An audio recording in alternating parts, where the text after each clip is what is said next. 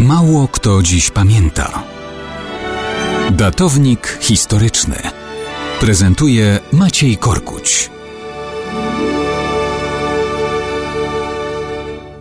Mało kto dziś pamięta, że 15 września 668 roku władca Imperium Wschodniego Herakliusz Konstantyn III poszedł się wykąpać. Herakliusz Konstantyn, zwany później Brodatym, miał zaledwie 11 lat, kiedy w roku 641 po swoim wuju objął tron cesarski w Bizancjum. Był nadzieją Senatu, który sam zadbał o to, aby to on właśnie został imperatorem. Ale z nadziejami bywa różnie, nie wszystkie się spełniają. To był już trudny czas. Imperium miało od kilku dekad kłopot z Arabami, którzy błyskawicznie rozszerzali panowanie islamu. Wydarli już cesarstwu Syrię, Palestynę, Egipt i znaczną część śródziemnomorskiego wybrzeża Afryki. Najeżdżali też Azję Mniejszą, tę, która wraz z częścią Bałkanów i Grecją stanowiła trzon Imperium Bizantyjskiego.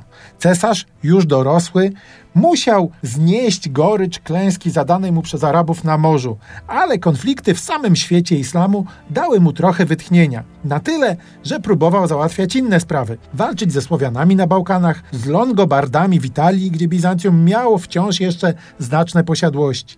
Tam też próbował przez całe lata poustawiać po swojemu dyskusje, które dotyczyły istoty wiary chrześcijańskiej. A że wbrew nadziejom Senatu wyrósł na satrapę i okrutnika, bezwzględnie nadużywającego władzy, to i w tym sporze nie przebierał w środkach. Skoro papieżowi Marcinowi nie podobały się jego edykty, kazał go pojmać i przywieźć do Konstantynopola. Oskarżył go o spiskowanie przeciw tronowi, uwięził i osadził na Krymie, skąd papież Marcin nigdy już nie powrócił. Popularności nie przyniosła mu bynajmniej bezwzględna rozprawa z innymi. Nawet rodzonego brata skazał na śmierć, uznając go za konkurenta do tronu. No i przyszedł 15 września 668 roku. Konstantyn w sycylijskich Syrakuzach idzie do kąpieli. Tam jeden z jego dworzan, Andrzej, z zimną krwią go morduje.